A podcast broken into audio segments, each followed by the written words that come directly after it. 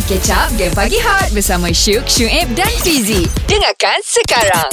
Eh guys, uh-huh. korang perasan tak tadi Abang PE datang. Aha. uh, Dia cakap yang uh, Menteri uh, Belia dan Sukan Belia dan Sukan baru mencabar kita Mm-mm. Untuk kita buat KBS Wah Challenge. Datuk Seri Rizal Marikan? Yes, lepas tu aku pergilah ke IG Datuk Seri. Hmm. Aku tengok antara post yang, yang terbaru Sebenarnya Datuk Seri buat senaman kat rumah. Oh. Dekat video tu Tiga orang nama yang dipetik lah. Mm. KJ Syed uh. Syed Saddiq Dengan I'm okay man. Okay guys Kita kita, kita akan uh, cuba mendapatkan Datuk Seri Rizal Marikan Iaitu Menteri Belia dan Sukan Yang akan bersama-sama kita. Kejap lagi di Betul. talian Nak tengok uh, Apa cabaran untuk kita. Ya betul. Lain macam pergi dia Bila ada Syuk, Syuib dan Fizi Ini Game Pagi Hot Satu, dua, tiga Satu, satu, dua, tiga Dua Hoi dah senaman pagi ni guys Okey, memandangkan tadi hmm. Abang PE uh, ada datang bagi Yeah. tahu kata uh, YB uh, Rizal American mencabar kita hmm. untuk melakukan senaman di rumah. Yeah Lepas tu kita pun ada usah-usah dekat uh, Haji Datuk Seri. Aha. Tengok memang tengah aktif je. Ya Eh, Senam kat rumah. Seperti yang kita janjikan Kita bersama dengan Menteri Belia dan Sukan Malaysia Datuk Seri Rizal Marikan Assalamualaikum YB Waalaikumsalam. Selamat pagi YB kat mana tu Mai kat rumah lah kita hari ni. Ah, cantik lah. cantik. Perintah kawalan pergerakan. Aha. Kita dekat rumah PM sebut. Bersama dengan keluarga. Alhamdulillah Jadi saya harap semua rakyat Malaysia juga kalau dapat memastikan kita semua pada hari ini ikut perintah kawalan pergerakan be at home, be Yes. with the family. Ya, sungguh Yeah. yeah. Dato' YB. So YB hari Ya. kedua perintah kawalan pergerakan macam mana YB? Apakah aktiviti atlet negara sepanjang perintah ini dil- dilakukan YB? Mm-mm. Ya, bagaimana disebut bahawa semua atlet sekarang ni uh, telah di, di, dihentikan segala aktiviti-aktiviti mereka. Mhm. Setakat ini ada yang dah pulang tapi masih ada lagi yang tinggal uh, da, di MSN. Mhm. Dan ada di kalangan mereka juga yang telah dikuarantin hmm. uh, di Kasar 1.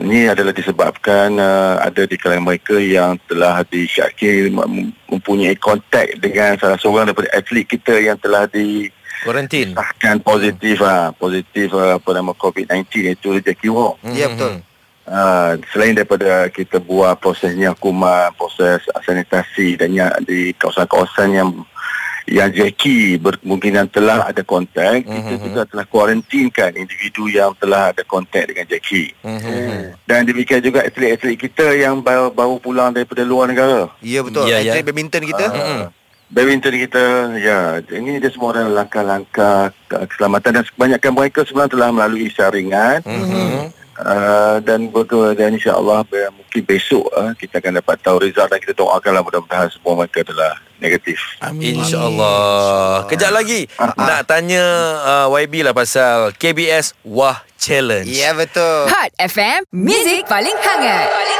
Pagi ini kita bersama dengan Menteri Belia dan Sukan uh, Yang berhormat Datuk Seri Rizal Marikan bin Naina Marikan Okey Ya, okey. YB ni saya ni soal pula nak tanya ni sebab kalau tengok dekat Instagram YB, ayo uh, Instagram Datuk Seri uh, nampak tengah bersenam lepas tu mencabar pula uh, KJ, Syed Saddiq.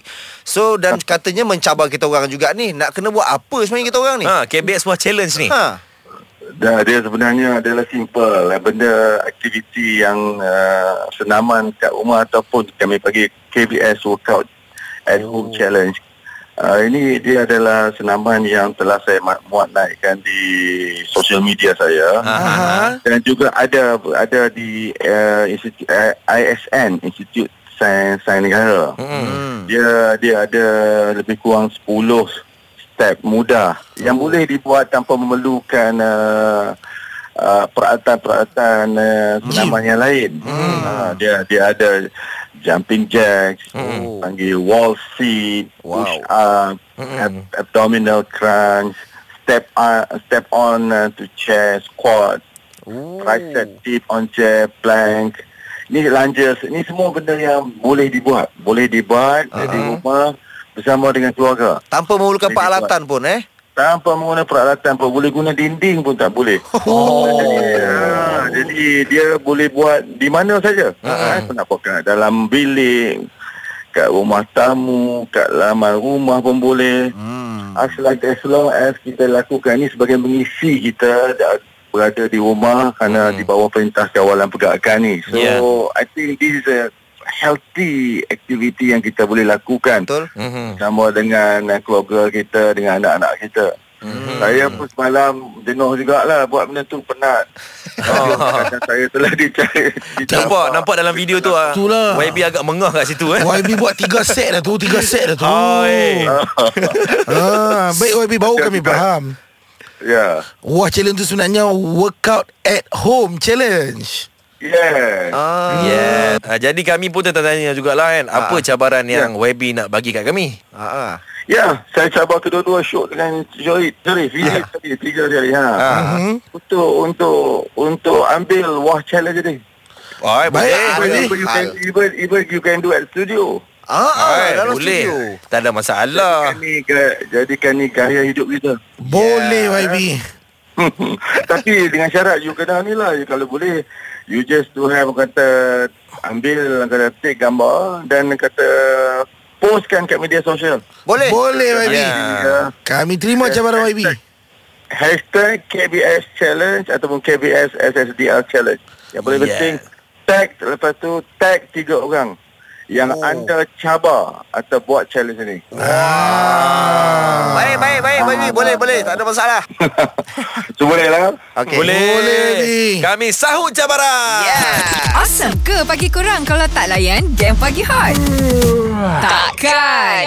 So, dengarlah Syuk Syuib dan Fizik. Jangan lupa stay at home. Okey, jangan ke mana-mana sebab kita berada di hari yang kedua untuk uh, Perintah Kawalan Pergerakan ya. Betul. Seperti mana yang telah disarankan oleh Yang Amat Berhormat Perdana Menteri Malaysia Tan Sri Muhyiddin bin Mohamed Yassin. Semalam pun dia ada pesan lagi berkali-kali. Hmm. please stay at home. Please yes. stay at home ya. Ah, Lepas tu Jin, Hmm. hmm. kita ni nak nak memesan walaupun dah banyak kali cakap tapi nak ingatkan juga sebab masih ada lagi orang yang kita faham. Kita ni orang Melayu adab tu sangat tinggi. Hmm. Yeah. Jumpa orang nak salam. Hmm. Itu dulu.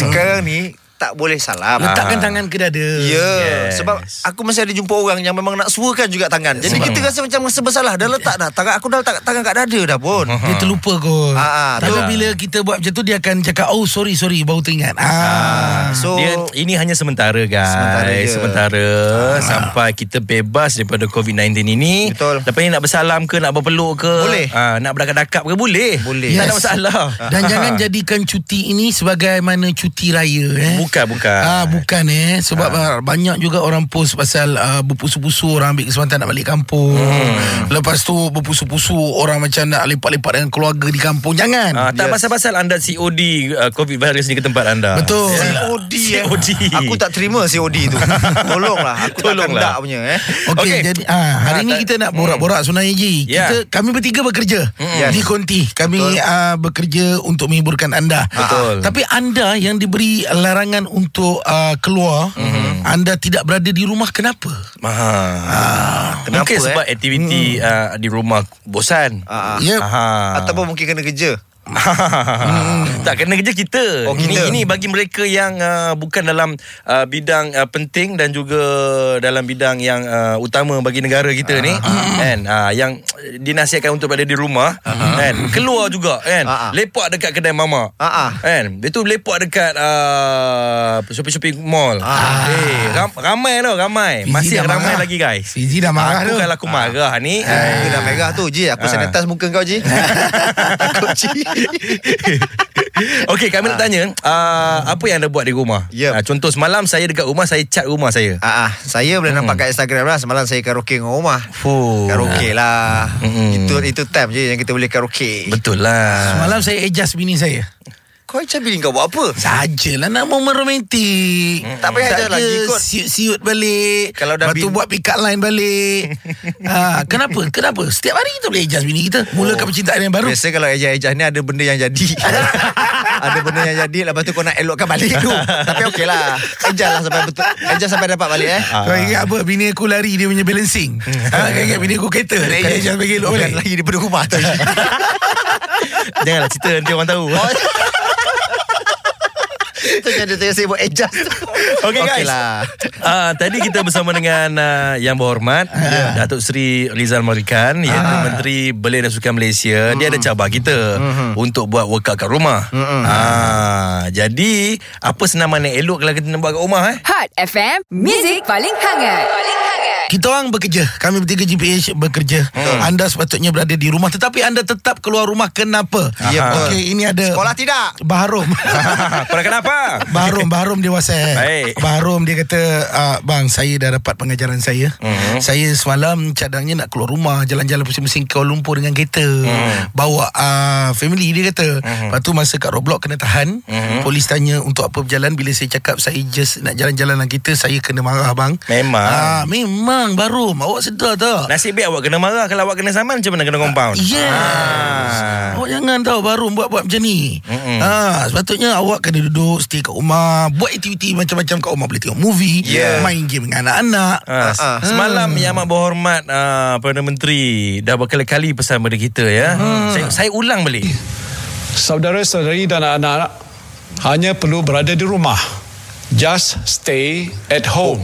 Yes. Nampak? Just stay at home. Tak masa- faham lagi. Bahasa Melayunya Just Duduk di rumah Ah, Kepada hanya just. duduk di rumah Just Oh. tu hanya Oh kawan aku Ah. nama Jasmine Bukan, bukan, bukan Tak ada Bukan untuk. Jasmine. ah, Ni just stay at home Oh sorry Yes. Aku ni sekolah ke tidak See my level Okay sekarang kita ada Yana Awak keluar tak ke tak keluar ni Yana keluar uh, memang tak lah kalau dah bawa balik kerja dekat rumah kena duduk rumah je lah Okey, boleh boleh tak awak nasihat sikit pada orang yang still lagi nak keluar, ha. ada yang ambil kesempatan berjalan-jalan kononnya walau dalam kereta aja. Nasihat sikit kat dia orang ni Ana. itulah pasal bila kita tengok bila kita tahu apa PM kita dah announce apa semua kan masih lagi tak ada perasaan tau kadang-kadang kita kena fikir bukan bukan you kena you kena lah kena seorang tak kisahlah. Tapi hmm. masalahnya you kena ke orang lain faham tak? Betul. Kesian lah dekat orang Kesian dekat nurse-nurse Doktor polis. Tak ada perasaan langsung ke? Orang Betul. kata rehat-rehat je lah. Buat apa nak keluar Betul tak? Ah, ah, Saya rasa Menyusahkan orang. Betul. Oh jangan marah. Kita tengah bincang ni. Biarkan Saya- biarkan dia marah Biarkan dia marah. Saya rasa mungkin dia pentingkan diri. Dia ada perasaan Betul. tu Maksudnya macam Eh Betul. aku nak kena jaga diri aku Keluarga aku. Tapi sebenarnya bila dia buat macam Mungkin dia tak perasan sebenarnya Dia pun penyumbang Untuk penularan Betul, virus ni kan setuju. Yes, betul. Kita ni Mhm. mm-hmm. kerja dekat rumah sanggup tau bawa balik kerja kat rumah dengan Mhm. taska, transit tutup, double Hmm. kerja, faham tak? Ah. Dengan anak, dengan kerja, dengan kerja rumah lagi. Macam, eh tak cukup tangan lah. Betul tu Lagi Yana. beza rasanya pergi rumah, eh pergi office. Hmm, bila Yana sebut macam tu Yana dah macam Superman dah. Yana mom ni dah. Ya. Pemaham Superman dah. Yana nak tanya, uh, ada cerita pasal pasal tani dekat Ceras yang viral tu kan? Pasal apa? Pasal tani Pasal tani kat Ceras. yang Ah, viral. ya, ya, ya. Ah, ya. so, so far macam mana situasi dia? Tak tahulah saya tak keluar dan saya tak nak ambil tahu. Saya rasa orang yang buat tu memang tak ada peri kemanusiaan itu je. Dengarkan Game Pagi Hot setiap Isnin hingga Jumaat jam 6 hingga 10 pagi bersama Syuk, Syuib dan Fizi.